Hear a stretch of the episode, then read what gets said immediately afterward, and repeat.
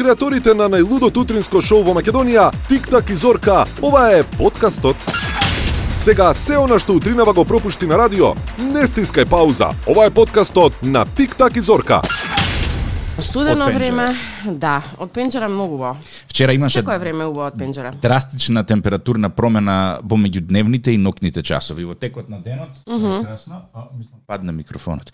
Во текот А, на веројатно, не. во текот на вечерните часови е, грозничко, ама мислам дека горе доле преживеавме некако. Ако ме прашуваш за моменталната температура во центарот на Скопје, температурата изнесува минус 7, но она што тебе ќе особено ќе ти израдува и сите останати е дека температурата ќе се искаче кон 10-тиот, 11-тиот, па дури и 13-тиот степен, Аха. веќе некаде околу 14 часот. Е, сега земи ја оваа температура и додај плюс неколку бројчиња и таа е температурата која што ќе имаме низ целата држава, за да утре веќе некаде попладне, односно после пладното, почне да се расипува времето и почне да врне дошт. Недела нема да имаме убаво време, имаме температура само 6 степени Ау. и дожливи денови недела и понеделник, за да веќе вторник попладне заврши дождот и повторно се вратиме на повисочките температури. Ту, цело излагање. Траорно е ова со времево, значи каков пинг-понг се игра, тоа е просто неверојатно. Се Јас надевам сум дека повеќе за овој пинг-понг отколку за оној со минусни температури, ама еве што можеме да направиме, тоа е температурата минус 1 утринава, а кога излегов од својот дом беше некаде минус 3. Што значи дека благодарение на сонцето температурата ќе се искачува во текот на целиот ден. Ајде, нека биде така. Инаку, Зорке, морам да споделам со тебе утринава многу добра вест. Ајде. Нешто што со години седеше запуштено и затутулено, ќе почне да се гради. Совет на град Скопје вчера на седница ја усвои одлуката со која конечно ќе се реализира и отпочне со изградба новиот забавен парк, односно Скопје после па, па 10 Луна години парк? ќе добие Луна парк. Да. Фала ти Боже. Секој ден го шетам песот низ тоа делче од паркот, секој ден гледам и се присетувам како беше, Гледаш па спомени. како го оставија и тргнаа да го да го прават, сега некако ете, имам и јас желба што Дали побрзо да имаш го направат. сеќавања Имам. од Луна паркот? Јас Имам. многу сеќавања. Иако релативно е, брзо откако е, станав дете го го затвори, односно го срушија. Па не е срушен, он се уште така стои, ама го затворија. Нефункционален. Да, паркот и после тоа го пренаменија нели влезот на една дискотека беше баш од, Да. од таму. Меѓутоа имам преубави спомени на едно убаво, мирно и, и пријатно детство и е, да бидеш послушен пет дена во неделата за да шестиот ден те однесат во Луна парк, нели, затоа што си заслужил. Многу ми е жал што нашите деца немаа можност, поголемиот дел, оние што веќе се израснати, петто, шесто, осмо оделение, немаа можност да видат како е Луна паркот. Ама сум срекна што можеби новите генерации во иднина ќе имаат едно преубаво место кое е, ет баш како мене што ми е врежено во сеќавањето ќе им биде и на нив. Да се надеваме дека брзо и скоро ќе се реализира и ќе ги исполни сите наши очекувања, односно ќе вреди чекањето. Е, најубава меморија од Луна паркот на времето ми е она панорамското тркало што се А. вртеше. Тоа го начекав кога бев па негде Имам околу што знам тинеџерски денови, потоа ги сакав оние количките што се удираат и оние летечките колички кои што сега ми се чини се дел од некои патувачки луна паркови кои што одат од град до град низ цела Македонија. А Ако ме прашаш, имам фотографија каде што ми фалат горните е, два предни заба. Меѓутоа сум оклештена од шеска до шеска заради тоа што ќе се оди во Луна парк. во едно неубаво джемперче кој што на времето веројатно мајка ми мислела дека е шик Добро. и едни фармерчиња е, Кои што исто така најверојатно така. мислеле дека се шик. Вака личат Значи, на врекичка, ама ме- веројатно мајка ми мислела дека исто имам шишки и таму, меѓутоа немам два предни, забеса да не се подречам денес па да ми летнат негде не де боже. Биле шик, верувај ми. Па да, предпоставувам дека биле шик, меѓутоа е, не можам да го заборавам изразот на лицето вака. Ќе одиме во Луна парк. Застанете ве сликам ако сакаш и лебедова ќе ти изиграм тука. А во случај да не се сеќаваш како изгледаше Луна паркот во Скопје, тркај нас на Facebook да се подсетиш, ќе ти стане многу многу е, јасно. Луна паркот во Скопје официјално потврдено ќе се гради, а друга интересна работа поврзана со Скопје од 1 март зонското паркирање на ПОЦ, не на ПОЦ, извини. Зонското паркирање на градски паркинг ќе поевтини за 25 од 100 затоа што изгласале дека паркингот е скапи, треба да плаќаме помалку. Што значи во недела или во сабота ако одиш на водно, наместо 100 денари час, првиот час ќе платиш 75 денари. Тоа ти е 25 по... е вториот е, беше пола од првиот, значи И сега 35 од прилика. Затоа што 50 денари беше вториот час на на водно. Реално да си правиме муавет, дали мислиш дека е добра одлуката? Да се намали паркинг, да се Конкретно поевтини? за водно, не, да. Не, не само за водно, за никаде. Мислам, кај хубуриме со паркинг, ај сега да го направиме поевтина. Градски предпријатија викаат трупаат загуби дека немаат пари и така натаму и така натаму. Знаеш што е интересно на водно? Се плаќа паркинг, да. Овие дечки што го обслужуваат паркингот на водно имаат едно 3-4 блокатори за коли. Е сега совесни граѓани ќе отидат на водно, ќе си пуштат порака, а несовесни граѓани ќе отидат, ќе се паркираат и не пуштаат порака. Во неделата одам на водно, кога се спуштив доле, имаше три скапи коли, под скапи мислам сигурно во вредност над 40.000 евра, кои што имаа блокатори на тркалата, што значи дека се тупосале таму без да платат паркинг. Може не им достасале пари да доплатат леле колега ти како како ги гледаш работиме вака, а ние од сите. Дека со СМС порака се плаќа. Се што треба да направиш е да пуштиш СМС порака на бројот и ако немаш пари во моментот, ќе ти ги симнат, односно ќе ти Може ги е фактурираат на сметка. сметката. Ти знаеш ли колку пари е тоа да се одржува таква една кола? Ја ги разбирам тие луѓе. Уни за тоа паркираат и пред кафичи. Нема тој бензин да врти да бара паркинг. Толку е. Се што има уложило колата и сад ние треба да видиме кола вака стај позади на паркинг, нема да видиш колку пари уложил. Ај тоа што викаш, а има ли подобар кафе начин си да ја плати? приметиш колата од тоа да ја паркираш на место за лица со хендикеп? Оу, не, тогаш во тој случај Тоа ти е подеднакво како да изложуваш уметност во некој музеј од типот на Лувр. Или Сите го евентуално тука дознаваш за карактерот на личноста, за внатрешната убавина негова. Ти кажува нешто, ма ти треба тоа добро да го, да го фатиш, Процесираш да го и- и- и процесираш, да го сватиш, да. Многу ми се допаѓа што во сите шопинг центри пишува доколку забележите носо несоодветно паркирање, пријавете на 192. И И ништо. кои се ингеренциите на 192 во таков случај? Е, додека дојдат они по пријава, овој ќе се ја собере колата 20 пати ќе ќе си замине. Затоа треба нешто како оние комунални редари што почнале да казнуваат низ е, Скопје за фрлање ѓубре, шут и, и, и Е, слично. нив не ги споминавме, а и така важна улога игра во изминатите неколку дена со тоа што се казнати голем број на граѓани, несовесни граѓани кои што фрлале од пушоци, ѓубренца, разноразни, е, односно, така целосно кажано, го загадувале просторот и е, средината во која што живееме. И тие се соодветно казнати, не знам која сума е казната, меѓутоа колку и да е, тоа се пари кои што ги вадиш од джип и фактички како да ги кинеш, значи веќе ги немаш кога ќе те казнат. Така што е, се надевам дека ние останатите кои што не сме казнати, но ја знаеме оваа информација како податок, ќе се свестиме и ќе внимаваме малку на нашето однесување. Сушност, она како се однесуваме надвор не треба да биде контролирано само од ридари, туку од нас самите. Така е, промената почнува од е, самиот себе. Да. Ало, како си? Фала Богу, добро да не се жалиме. Добро, убав ден денеска ќе биде. Ќе биде, ќе биде, така личи небот. Повели. Ало, не ти, ти. А, скоро сега само да ви кажем за случка во Скопје, проаѓам на булева. Имаше некоја закачка таму на раскрсница, не знам што полиција регулира сообраќај. И се ја гледам во сообраќајот. Чекам знак да ми даде лево, тоа се напред, назад, стоп. Едно време овие се заврта и ми вика, дечко, што гледаш у мене бе? На цело вика ништо не ми пишува. Ама викам господе, кај сум западно вика. А за другава случка па да ви кажам во Англија што се случи. Значи повеќе пати влагам во Англија и пошто ние професионални возачи ми прашуваат 45 дали имате за 45 час, часа пауза. Тоа е mm -hmm. два пати два пати месечно. И ја викам да, да, да, ама толку фина она полицајката дури не знам како да ви речем. А ностоп ние си ја лаже.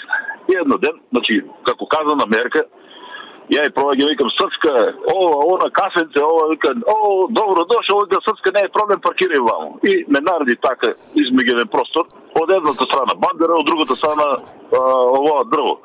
и ги пропна ланците измеѓу тркала и рече сега сум сигурно вика дека ќе имате 45. Значи не е казна она со пари, него не казни стрикно, значи физички и после вика Еве ви имате могуćност значи сега да се докажете дека стварно имате 45. Е, тоа е тоа. Значи Англија имаше една стварно фина конструктивна мерка. Тоа е тоа. Ви благодарам убав ден. Свака. Уште не можам да престанам да се смеам. Замисли ова кај нас да ти се случи. Дали стварно ги, ги врзала? Зорке, Нема 45 мрдање. часа одмор треба да имаш, нема мрдање. Тоа е тоа. Што да ти кажам? Ало. Сакам да кажам нешто. А, јас живам во кисела вода, населба Расадник, поточно. Добра. И пред две години мислам дека беше, или година и пол, нешто така, а, железните контейнери ги заменја со оние пластични контейнери. Така. Што се Ги имате, стискаат со нога. Што Е, се- со да. нога што се стискаат. Е, така. Е, се вака, апелирам до комунална хигиена, пошто поминати се скоро две години, а, да извршат едукација на население, на луѓето, а, како се отвараат контейнерите и како се фрла ѓубрето во нив. Се согласувам за тоа што сум што ги оставаат кесите со ѓубре врз контейнерот од озгора. Да. Ама чекај, нели Значи, тоа е многу едноставно, со нога не само и... можат, не можат да го отворат контейнерот. И значи се чудат како се отвара контейнерот. Да. Значи треба да си се направи едукација, значи да си знаат луѓето како се отвара контейнер. Одиме Тоа е страшна работа кај нас, значи. отварање контейнери со постер со она едукативно видео со чекори стисни доле со нога или со рака крени го Стисни капакот, доле, мислам. е, Во два да. потега се отвара. Стисни ме. Се Или, сгазиме. Сгази ме. А за сообраќајот Расадник, значи, особено за паркинг просторот, тоа да направиме некоја друга тема, зашто после 16 часот паркинг нема. Тик-так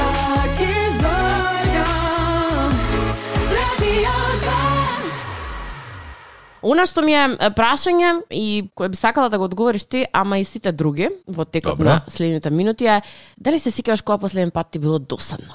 О, да. Кога? На час. На час? Па на сите горе доле. Не, п- п- тоа не е баш така Не, близко. знаеш како, како повеќе старееш, така некои работици стануваат се подосадни и подосадни. Да кажеме, социализации со групи на луѓе со кои што си немаш тема на муабет, знаат да бидат ужасно досадни. Истрпувачки би рекла. Гледање на филм во кино што трае два и пол часа, значи не. Се зезнав со Джеймс Бонд, се зезнав со Матрикс, се зезнав со Спайдермен. Значи, две години поради пандемијава немаше нови филмови и што наместо да извади повеќе филмови, Холивуд реши да извади подолги филмови. Па оди седи во било кое кино 2 сата и 40 минути, Би требало да има пауза како на Не, може би ако си млад, нема да се укочиш, нема да те болат коски, ама на стари години. 2 сата и 45 минути Джеймс Бонд, 2 сата и 30 минути Спайдермен, 2 сата и 40 минути Матрикс последниот. Зорке, Сафра ме фати. Саф, вака ќе се изеде в себе си би се чини. А не ти а се не ти се иде па си платил 300 денари ќе кажеш ќе го доседам до крајта на Влашко Балканското. Знаеш како е?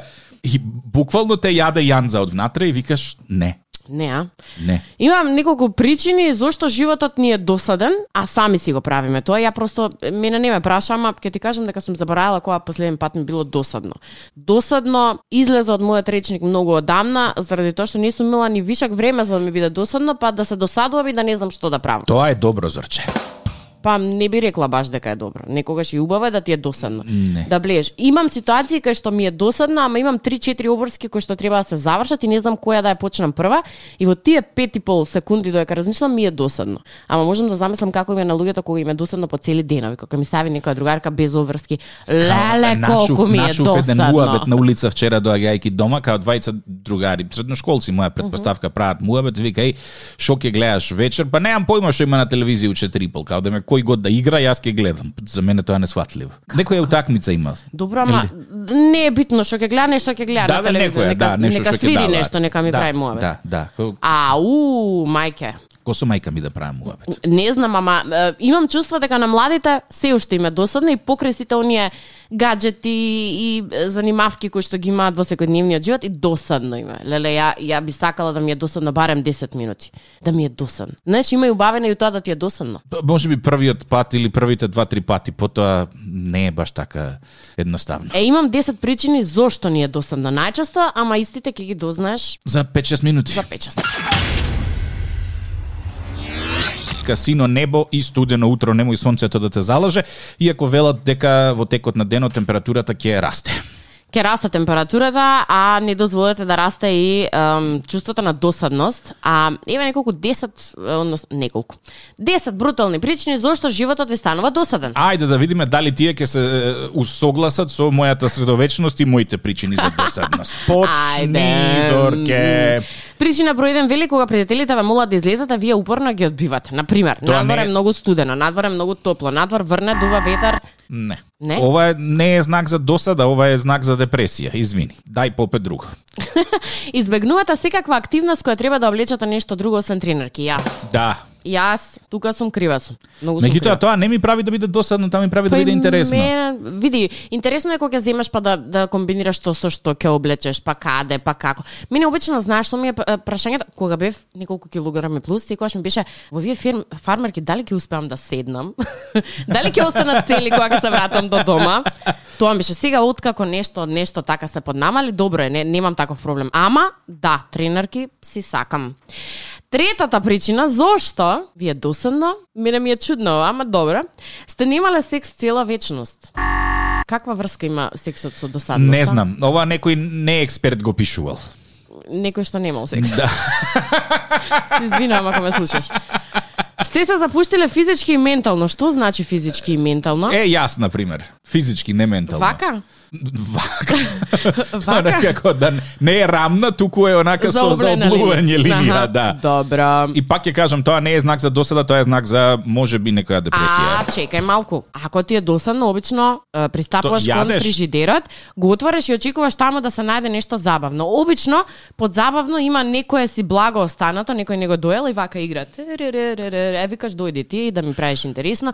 И така всушност јас ги накачив моите килограми. Да, да, да, има вистина во ова. Никогаш не иницирате дружба со пријателите. Е, Ама тука не мора пак- да значи дека ти е досадно, може да, односно дека стануваш досадна личност, тука може да значи дека Пријателите не ти е нула. Е, гледаш, две причини во исто време. Тоа е. Значи, не би се сложила. Значи види, досадно ми е кога имам се што сакам да правам, а не знам што сакам да правам.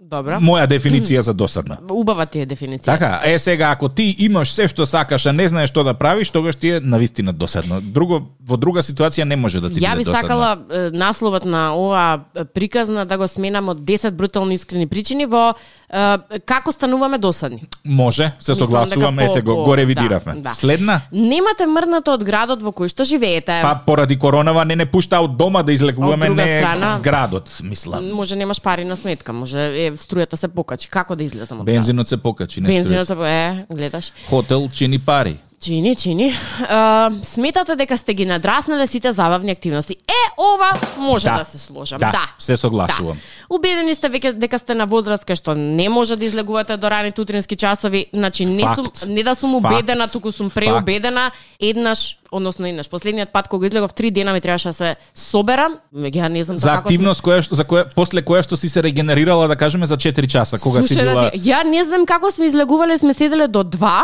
и после тоа сабалето во 8 одиш на работа свежа. како ништо да не било. Малку ја подсредуваш минката свежа. Малце мирисаш на алкохол, Сега ама тоа се, се решава. неизводливо. Не, изв- сега три дена ти треба да ги преспиеш за телово да ти се врати во функционална положба, инаку нема шанси. Е, уште една причина зошто ни е досадно е вика не сакате да правите ништо сами. Напротив. Многу работи сакам да правам Да, сега. на, провиди, не, некој кој што не експерт го пишувал ова, млад некој го пишувал ова. На некој што не му е баш реално досадно. А баш има многу работи кои што луѓето сакаат да ги прават сами. Сама да си одберам кој филм ќе го гледам, сама да си одберам што ќе јадам, сама да си одберам топлина во, во просторија. Сама да си одлучам која книга, еј книга да читам. Е. Сама, па не можеш со друштво да читаш Знаеш книга. ли која ми е мене омилена активност сам да ја правам? Не. Шах да играм. И што има интересно во шак сам. Секогаш победувам. А! Добро утро. Со вас се Тик-так и Зорка. Дупната. Како дупната? Тече? Па имаше кафе, сега нема. А, инспириран од муабетот за филмовите што траат по, по два и пол сата, се присетив на една серија американска која што се даваше тука доцните 80-ти рани 90-ти. Мислам дека преводот ти беше грешка во филмот. Наоѓаа некои сцени Ау, од филмови, се сеќаваш? Како документарна емисија беше во, во серија, така ако не се лажам и наоѓа точно кај има грешка споредена едната со другата сцена. Да, од типот на не промениле аутфит во една сцена сакото е една боја, да. во друга сцена е друга боја и тоа се некои ситници кои што некој на вистина морал да ги запази за да ги извади и ги презентира пред јавноста. Меѓутоа, сметајќи се себе за филмофил и имајќи во предвид дека имам изгледано многу филмови, има неколку работи кои што м, се онака апла очигледни во некои филмови и тоа ти зборувам за филмови кои што се бестселери, а кои што никој не ги онака дискутира и, и, и дебатира. Пази, на пример, Star Wars Добра. било кој филм од серијата. Значи, дејството се случува на различни планети. Според законите на физика, секоја планета треба да има различно ниво на гравитација, различна атмосфера. Меѓутоа, сите трчаат наоколу у оние скафандери И, не, и никој не експлодира. Е, каков е тој скафандер што Супер може да се скафандер. прилагоди на било каква атмосфера и на, на било каква ситуација? Тоа сигурно не е да ние што се купуваат онлайн, ама со достава. Monsters, Monsters Inc. филмот, го знаеш Е, како не цртаниот? го знам на памет. Е, пази сега. Во оригиналниот филм, двете чудовишта се среќаваат во основно училиште. До, во средно. Добро, во, Добра. во основно Во ми се основно, чини. добра. Да. А, во вториот филм, кој што се вика а, Monsters University, се среќаваат на коледж, а не на универзитет. Е, како? Да, па б- имајќи го предвид вториот, затоа и ти реков дека на коледж се среќаваат, дека во Е, а на универзитет се. Е, грешка во филмот. Мама Мија. Добра. Го гледаше? Е, штета, ти го препорачувам топло. Во првиот филм, Дона, една од главните хероини, вели дека мајка е мртва. Арно ама, Во вториот дел мајка ѝ се појавува. Како може да ист филм ако станува збор, веројатно Е, знаат тие што го правеле. Е, исто, како може. Добро. Грешка во филмот. А, имаше еден друг Halloween серијал со 5-6 филма. Halloween 1, Halloween 2, Halloween Добро. 3 е, главниот лик, протагонистот се вика Майк, Майкл Мајерс е, и е човек кој што убива за време на Halloween. Е сега, интересното е тоа што Майкл Мајерс знае како да вози автомобил, иако, според приказката во филмот, бил во ментална институција од своја 10 годишна возраст. Како Кај научил да научил? вози? Док не е толку лесно. А, не знам која е пораката, меѓутоа. Мене, логиката ми е дека таму така добро е регулирано се и нема проблем да се снајде прва, втора, трета. Овде нека дојде да вози, па да видиш дали ќе се снајде. И она Зорке што мислам дека секое дете постаро од 5 години веднаш ќе го свати. Пепелашка. И што? Како може целата приказна да се фокусира околу чевличе едно кое што пасува само на една девојка во цел град. Ама волшебно е. Ама ајде, молим те. Ама волшебно е. Добро утро. Со вас се Тик-так и Зорка. Radio 2. Зорке, во петок пред крај една дилема која што долги години ја имам, а е, не можам да ја решам, а секој ќе се препознае во неа, вклучувајќи те и тебе. Ајде. Правиш муабет по телефон. Добро правам. Од X причини, муабетот се прекинува. Добро. Кој ја има обврската да сврти? Тој што прв се јавил или тој што го барале? Тој што зборел у моментот кога прекинала врз. Леле, тоа тоа е многу грдо, затоа што во моментот прекинува разговорот. Да. Вртиш ти врти Тој и добивате зафатена линија. зафатено. И си викаш, чекај 2-3 секунди ќе почекам, ама веројатно истото си го вика и другиот, ќе почекам 2-3 секунди. И после па вртите и па е зафатено. И јас најчесто тука праќам SMS, престани да вртиш, јас ќе се јавам, затоа што не можеме да се добиеме. Ова е глобален проблем. Ова е глобален проблем и мислам дека треба да се воведе некое официјално правило за тоа кој е задолжен да се јави откако ќе се прекине врската. Дали тој што првично го воспоставил повикот или лицето кое што го примило повикот. Дајте да се усогласиме за тоа што вака веќе не ја бива. И имам и ситуации како на пример со мајка ми кога разговарам и кога ќе спуштам она веројатно уште си прави муабет и ми вика како бе ти збора ми звониш? Тоа е веројатно на не ни осетила дека сме го прекинале муабетот.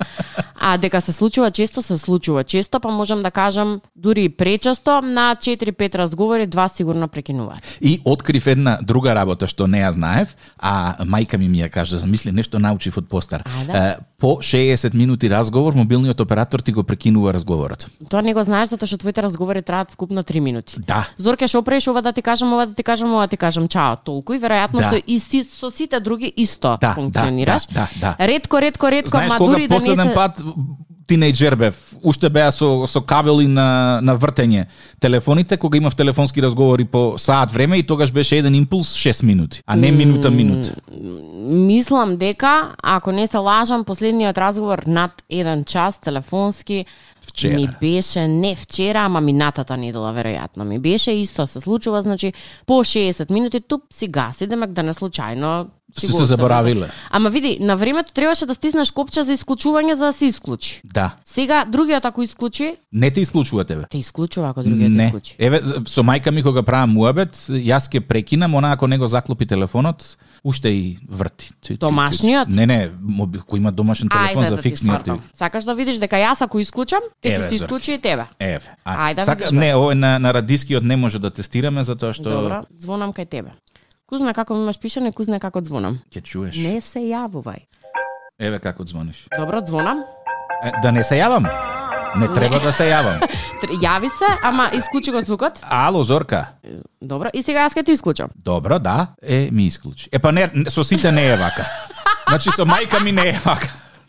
Значи ти едниот кога исклучува, двете страни после неколку секунди се гасат. не Па знаеш тогаш- ова? Не, не, затоа што а можда е тоа со повик на чекање. Не знам, значи ми се случило онака да Со повик на чекање, да. Додека не склопи, оној кој што чека. Тука, тоа е, тоа е проблемот, А, затоа што знаеш, јас сум зафатен па цело време повици, па едно друго, па дзен дзен дзен. И знаеш, многу интересна работа. Еве вчера, например, ми се случи со телефонскиве повици. Седиш, дремеш, правиш ништо неважно, да речем, некоја домашна работа, никој не се јавува. Во моментот кога ќе влезеш да се бањаш, во моментот кога ќе влезеш, не знам, нешто да правиш, некаде каде што не можеш реално да, да земеш мобилен телефон со тебе и да разговараш, тогаш, брате, телефонот се растора од звониње. Или легнувам, да речеме, да одмарам еднаш месечно, легнувам попладне да, да одморам и од 2 до 4 имам 16 пропуштени повици. Тоа е, Баш Зорке. тој ден на Тоа сите е- сум им притребала кога сум легнала да одмарам или кога влегувам да се бањам. Тоа е, животот оди понатаму. Подкастот на Тиктак и Зорка достапен на Spotify, iTunes, Google Podcast, секаде каде што можеш да најдеш подкасти и на tiktakizorka.mk.